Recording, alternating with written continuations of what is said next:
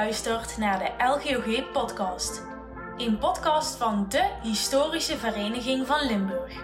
Het Koninklijk Limburgs Geschied- en Oudheidkundig Genootschap. Kort gezegd, Koninklijk LGOG. Om LGOG naar u toe te brengen maken wij deze podcast. Mijn naam is Justine Kamps en ik ben erfgoedconsulent bij LGOG.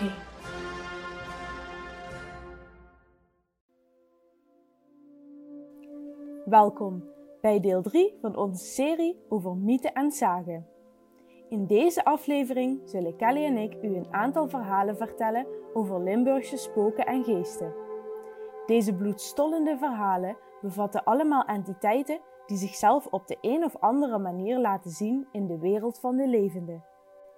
Voor velen een spannend tafereel, want hebben we het hier over demonen of over verschijningen die ooit wel deel uitmaakten van deze wereld? Het woord spook heeft volgens Henry Welters, die in 1875 het boek Limburgse legende, zagen, sprookjes en volksverhalen heeft geschreven, in onze moedertaal iets raadselachtigs, iets geheimzinnigs. Een spook is iets dat kleine kinderen met schrik bevangt en de verstandige grote mensen aanzet tot denken. Volgens Welters hebben spoken doorgaans een vast ritueel. Ze dwalen ze meestal tussen 12 en 1 uur s'nachts rond, dikwijls gehuld in een wit lijkkleed. Ze verschijnen bij voorkeur op duistere plekken, zoals kerkhoven waar zij begraven zijn, in oude vervallen kloosters, tussen puinhopen en in onderaardse gangen. Er was zelfs een tijd waarin je door het twijfelen aan bestaande spoken zelf gevaar zou lopen een spook te worden. Welters legde ook uit hoe spoken te werk gaan. Als ze verschijnen, verduistert eerst de hemel. Dof hoort men in de verte de donder rommelen. De wind raast en fluit langs je huis. Deuren en vensters gaan kraken en je lampen doven uit. En dan, als je niets meer ziet, probeert het spookje in de verslagen duisternis bang te maken. Door treurig en akelig te gillen, met kettingen te rammelen, in holle slag of een huiverend aanjagend geraas te laten horen. En dan, als je verstart van angst niet meer de kracht hebt om weg te rennen, vliegt de deur open en slaat het spook toe. In de historische Limburgse spookverhalen, die we in deze podcast voor u bij elkaar hebben gezocht, worden de personages ook geconfronteerd met allerlei soorten spoken. Ze vragen zichzelf: wat hebben deze verschijningen te betekenen? Wat willen de geesten mij vertellen? Lang niet alle volksverhalen in deze aflevering hebben een goede afloop. En soms niet eens een ontknoping. Soms eindigen de verhalen op een moment dat de inhoud doorgaat. Zo kunnen we zelf deze verhalen afmaken en zullen sommige verhalen voor altijd een mysterie blijven.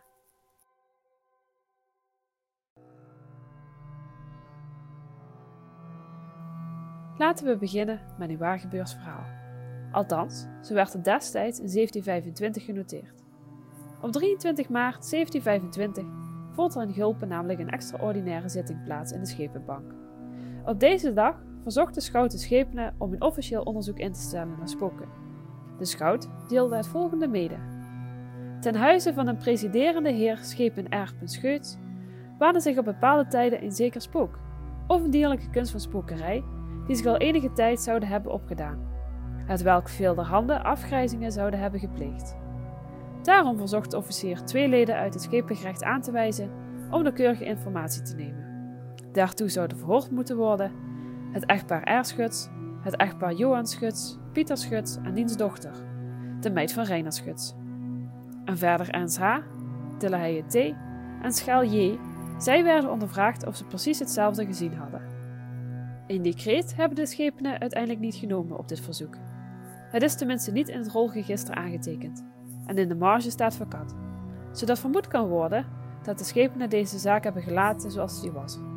Want of het waar was of niet, het hebben van een huispook die alles vernielt of mensen pijnigt is een goede alibi. Zou de heer R. Schuts de geesten om een andere reden bedacht hebben? Wat de geest in het vorige verhaal precies uitspookte, dat weten we niet. Wel is duidelijk dat als deze geest zich echt in het huis bevond, deze niet op goede dingen uit was. Sommige geesten zijn nu eenmaal kwaad en willen de mens het verkeerde pad opsturen. Zo ook de geest in het volgende verhaal. In Borgharen was een pont. De veerman die het pont bediende, werd op een nacht wakker van geschreeuw. Haal over, haal over, hoorde hij steeds vanaf de overkant van de Maas. Dat was niets bijzonders, want dat hoorde de veerman wel vaker. Maar deze stem had iets diep treurigs. De veerman wilde niet uit zijn bed komen, maar het geschreeuw bleef maar aanhouden. De vrouw van de man was bang dat het wel eens iemand kon zijn die aan de overkant lag te sterven. Ze wist haar man over te halen, want hij kwam zijn bed uit en ging naar het pont.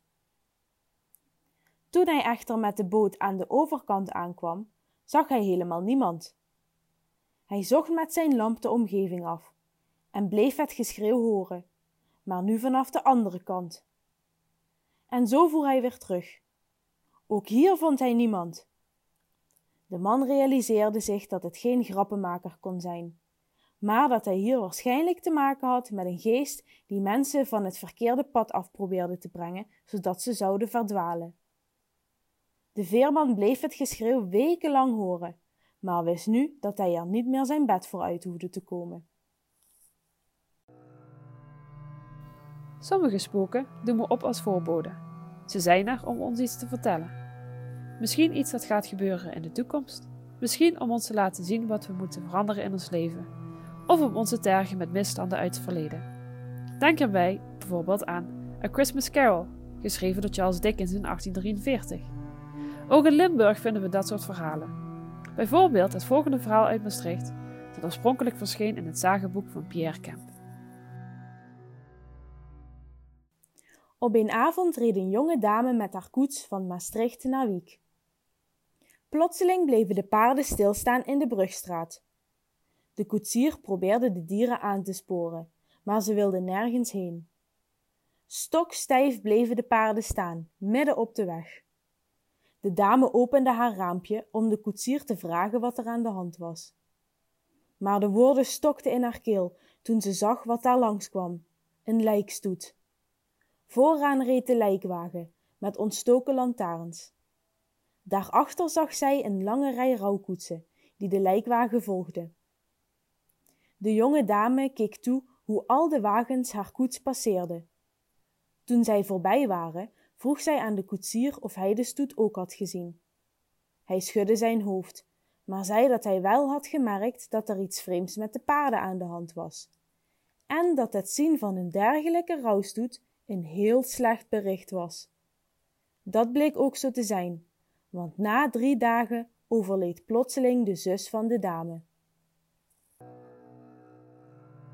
In de peel hebben die mensen een andere soort voorboden. Daar worden wel eens luchtverschijnselen gezien. Geen spoken, maar wel hoogst onverklaarbaar. De verschijnselen kunnen op van alles lijken, bijvoorbeeld huizen, kastelen en wagens. Deze vormen worden vuurbukes genoemd, oftewel voorbodes. Ze worden gezien als profetieën van grote gebeurtenissen, zoals rampen en oorlogen. Hierdoor ziet men die verschijnselen niet zo graag. Kijk dus uit als je vreemde vorm door de lucht ziet zweven. Het komt wel eens voor dat we langs een oud kasteel lopen of een vervallen huis langs de weg zien staan en denken: het zal daar wel spoken. En spoken deed en doet het, zeker in Limburg. In sommige huizen waren jarenlang geesten rond. In sommige huizen werden ze uiteindelijk weggejaagd. Het volgende verhaal komt ook uit het zagenboek van Pierre Kemp. Het gaat over een spook dat jarenlang een herberg in Amsterdam terroriseerde, maar uiteindelijk door een dappere soldaat werd weggejaagd. En wat bleek? Het spook was net zo bang voor de mensen die zijn herberg binnenwandelen, als dat de mensen bang waren voor het spook in de kamer. Een soldaat die onder Napoleon de veldtocht naar Rusland had meegemaakt, was op een dag op weg naar huis omdat de oorlog voorbij was. In de buurt van Amsterrade besloot de soldaat om naar een slaapplaats te zoeken. Het werd immers bijna donker. In een herberg vroeg de soldaat of er nog een kamer vrij was. De waard vertelde hem dat er nog een kamer was waar hij zou kunnen verblijven. Maar hij wist niet helemaal zeker of de soldaat dat wel zou willen. Waarom niet? wilde de soldaat weten. Het spookt in die kamer, zei de waard. De soldaat, die tijdens de oorlog waarschijnlijk veel ergere dingen had meegemaakt, trok zich daar niets van aan en liet de kamer klaarmaken. Toen hij eenmaal de sleutel van de waard had gekregen en de kamer opende, werd hij toch even bang. Voordat hij ging slapen onderzocht hij daarom ieder hoekje en gaatje om erachter te komen of het spook dat zich in de kamer zou bevinden zich daar toch ergens verstopte. Hij kon echter niets vinden. Gerustgesteld ging hij op bed liggen, blies het licht uit en viel in slaap. Ergens na twaalf uur werd de soldaat wakker. En wat stond daar in de hoek? Een gedaante. Het spook. Hij was helemaal in het wit gekleed en droeg een kaars in zijn hand. De soldaat deed of hij sliep om het spook niet uit te dagen. Het spook, die wilde testen of de man ook daadwerkelijk sliep, liep naar hem toe. Hij trok aan zijn snor, hij kriebelde zijn voeten, maar de soldaat gaf geen kik. Nu was het het spook die gerustgesteld was. Hij was namelijk met een reden de kamer binnengekomen. Hij begaf zich naar de schoorsteen en haalde daar achter een losse steen een pot met geldstukken tevoorschijn. Eén voor één telde hij de munten. Halverwege bekroop hem toch weer de angst dat de soldaat toch niet sliep. Dus voerde hij zijn test opnieuw uit. Hij trok de man aan de snor en kriebelde hem onder zijn voeten, maar weer gaf hij geen kik. Het spook ging verder met tellen. En weer bekroop hem daar diezelfde angst. Het tafereel herhaalde zich nog een keer. Maar, maar na de derde keer besloot het spook dan ook dat de soldaat echt sliep en dat hij met een gerust hart zijn geldstukken achter kon laten. De soldaat had natuurlijk goed opgelet. Hij wilde die pot met goud niet laten schieten, en toen hij wakker werd, haalde hij de munten achter de schoorsteen vandaan. Hij liet de goudstukken in zijn ransel glijden. De waard informeerde naar het spook toen de soldaat weer beneden kwam. Hij zag aan de man dat deze goed had geslapen en nergens last van had. Het spook is wel langs geweest, hoor, liet de soldaat de waard weten. Ik heb hem in mijn ransel gestopt. En dat gezegd hebbende, ging de soldaat weer op weg. Het spook kwam weer terug de volgende avond. Hij zou ooit een inwoner uit Amsterrade zijn geweest, een echte vrek. Hij zou zijn pot met goud nooit alleen laten. Maar het goud was verdwenen. Het spook was zo verschrikkelijk boos. Hij schreeuwde en krijste de hele herberg bij elkaar. Zijn kreten werden zelfs door het hele dorp gehoord. Het spook had echter geen reden om nog te blijven. Zijn geld was natuurlijk verdwenen. En zo kwam het dat de geest van de vrek van Amsterrade voor altijd verdween.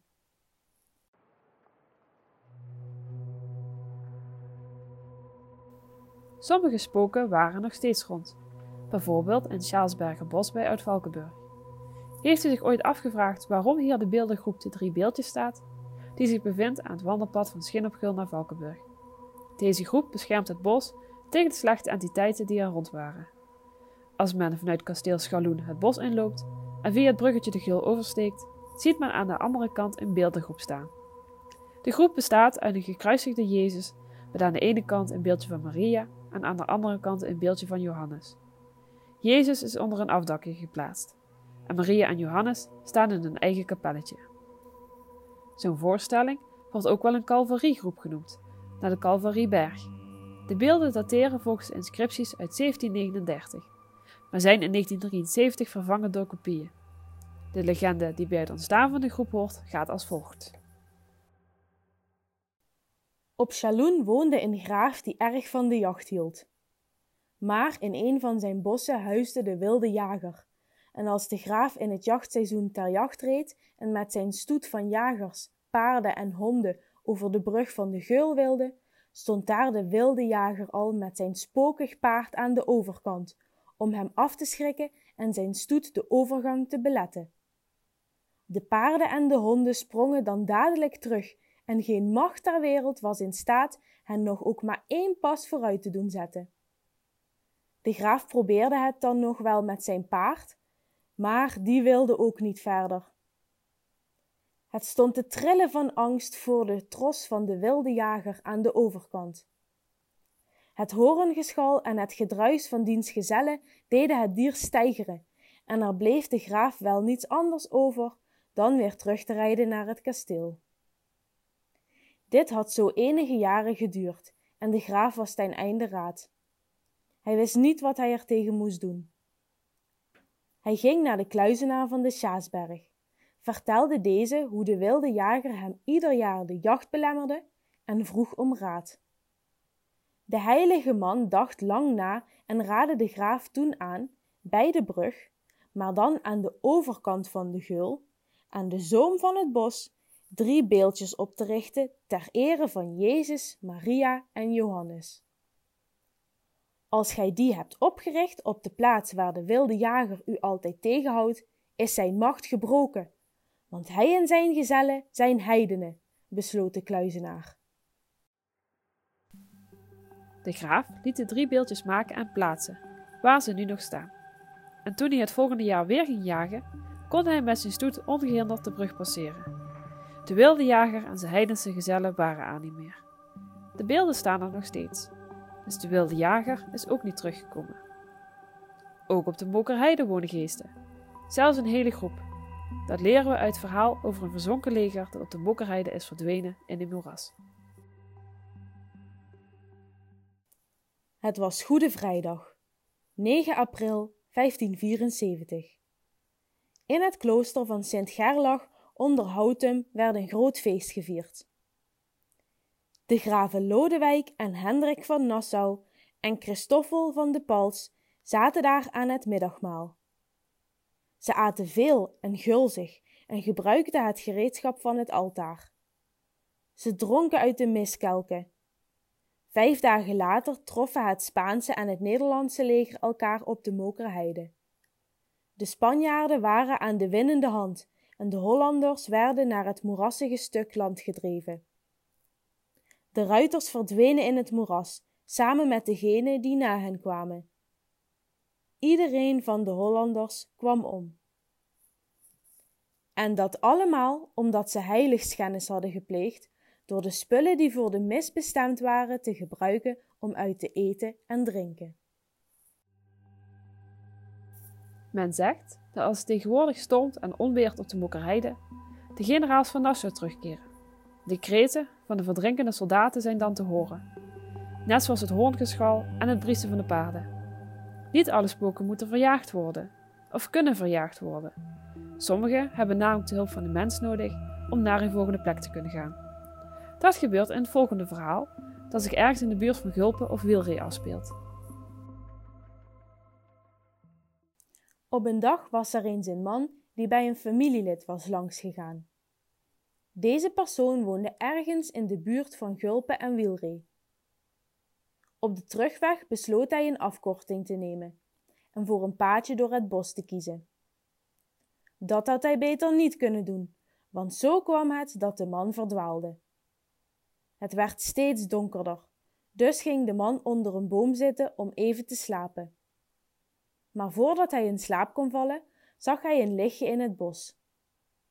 De man volgde het lichtje en kwam bij een groot vervallen huis terecht. Na drie keer kloppen opende de deur vanzelf. De man had weinig angst en stapte naar binnen, de warmte van de huiskamer in. Op de tafel stonden meel olie en een pan. De man had van al het lopen erge honger gekregen en bakte pannenkoeken voor zichzelf. Tijdens het bakken hoorde hij opeens een vreemd geluid in de schoorsteen. En daar kwam zomaar een menselijk been naar beneden gevallen. Het belandde in de kom met beslag. De man keek verwacht naar het been, maar voor hij iets met het beslag kon doen, hoorde hij nog een geluid en viel er een tweede been in de pan. De man was niet bang, maar eerder boos. Er was namelijk niets van zijn pannenkoek overgebleven. Hij maakte nieuw beslag en bakte een tweede. En ja hoor, even later hoorde hij weer het geluid. Daar kwamen opeens twee armen naar beneden getuimeld. Ook deze kwamen in de pan terecht. De man werd steeds bozer, maar herpakte zich en maakte beslag voor een derde pannenkoek. Weer was hem geen rust gegund, want daar viel opeens de romp die bij de benen en armen hoorde naar beneden, gevolgd door het hoofd.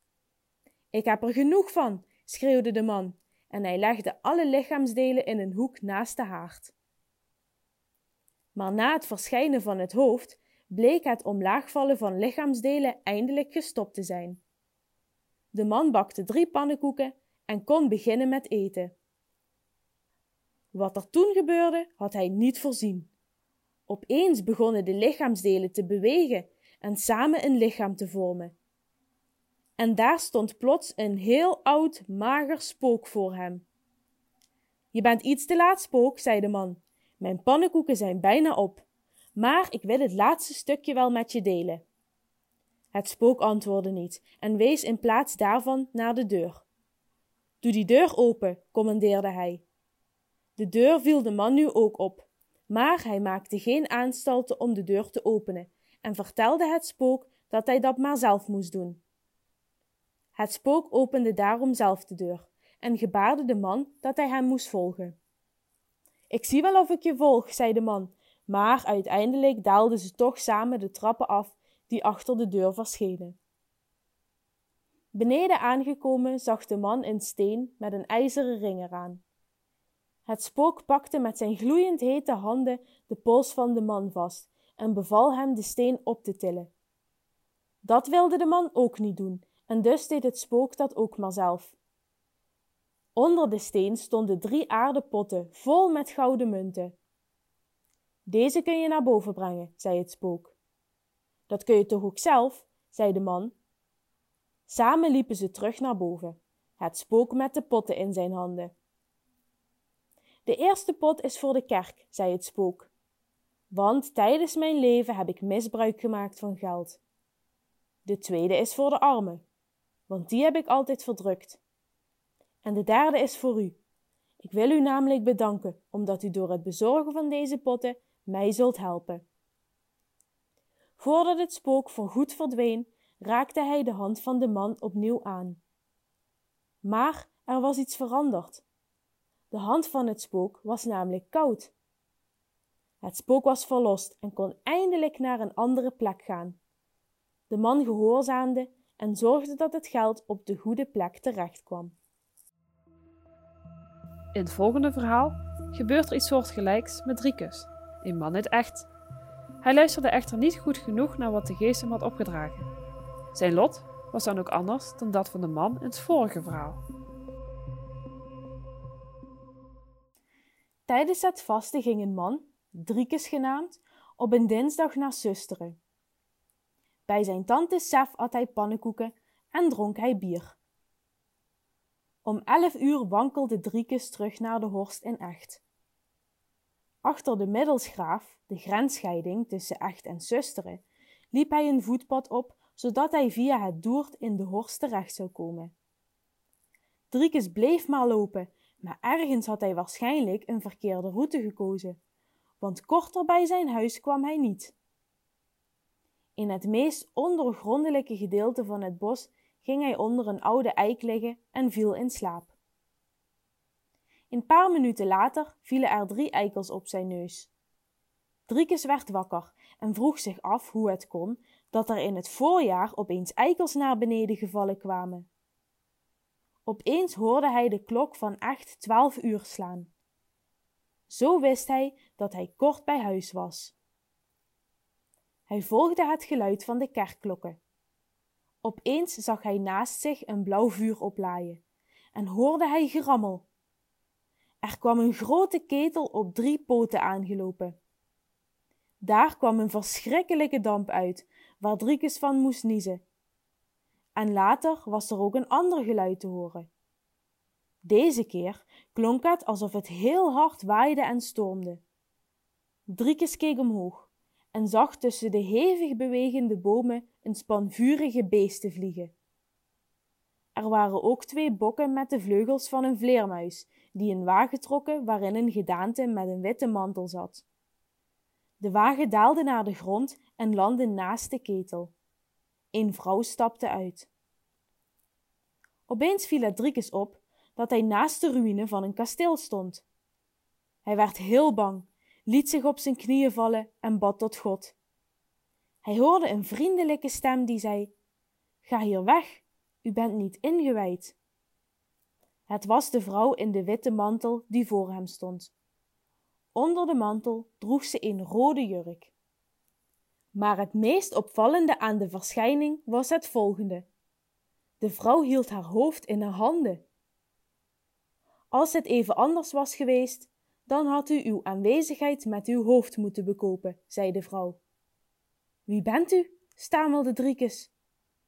Ik ben de adellijke dame van dit kasteel, zei de verschijning. In 1498 hebben mensen uit echt mij vermoord. Zonder genade werd ik onthoofd. Ik kon niet meer in het reine komen, en daarom vervolg ik alle mensen uit echt. Daarom zijn er zoveel mensen verdwenen. Als u wil weten waar ze zijn, dan moet u maar eens kijken in de ketel. Dat deed Driekes, en hij zag daar drie hoofden borrelen van mensen die hij kende. Voor mij is het een groot toeval dat u hier bent, zei de dame. Voor de oorlog heb ik al mijn kisten met geld en juwelen begraven. Dat geheim heb ik aan niemand kunnen vertellen. Nu ben ik gedoemd om rond te spoken tot iemand deze kisten vindt. Red mij alstublieft. Kom dinsdag terug met een helper, een brood, zout en nieuwe klompen. Graaf met nieuwe spaden. Ze planten een berkentakje in de grond, op de plek waar de kisten lagen. Er zijn drie kisten, allemaal zeven voet diep begraven. Zeg niets tijdens het graven. Geef een kist aan de kerk, één kist aan de armen en hou de zwaarste kist zelf om de inhoud te kunnen verdelen tussen uzelf en uw helper. Na het uitspreken van deze woorden verdween de dame. Driekes was veel te ongeduldig en wachtte niet tot het dinsdag was. Samen met zijn zwager Hannes besloot hij om eerder te gaan. Ze namen alle spullen mee naar de juiste plek, wachtten tot de klok twaalf uur sloeg en begonnen zwijgend te graven. Hannes stootte op iets dat een hol geluid gaf. We hebben hem, Driekes, wilde hij roepen. Maar voor hij de zin volledig had uitgesproken, hoorden ze in de grond het gerinkel van munten en een zware plof. Het waren de kisten, die nog eens drie keer zo diep de grond inzakten. Hannes en Drieke stopten met graven en keerden terug naar huis. Sinds die nacht hebben ze nooit meer tegen elkaar gesproken. En of de dame ooit de rust heeft gevonden waar ze naar zocht, dat weet niemand.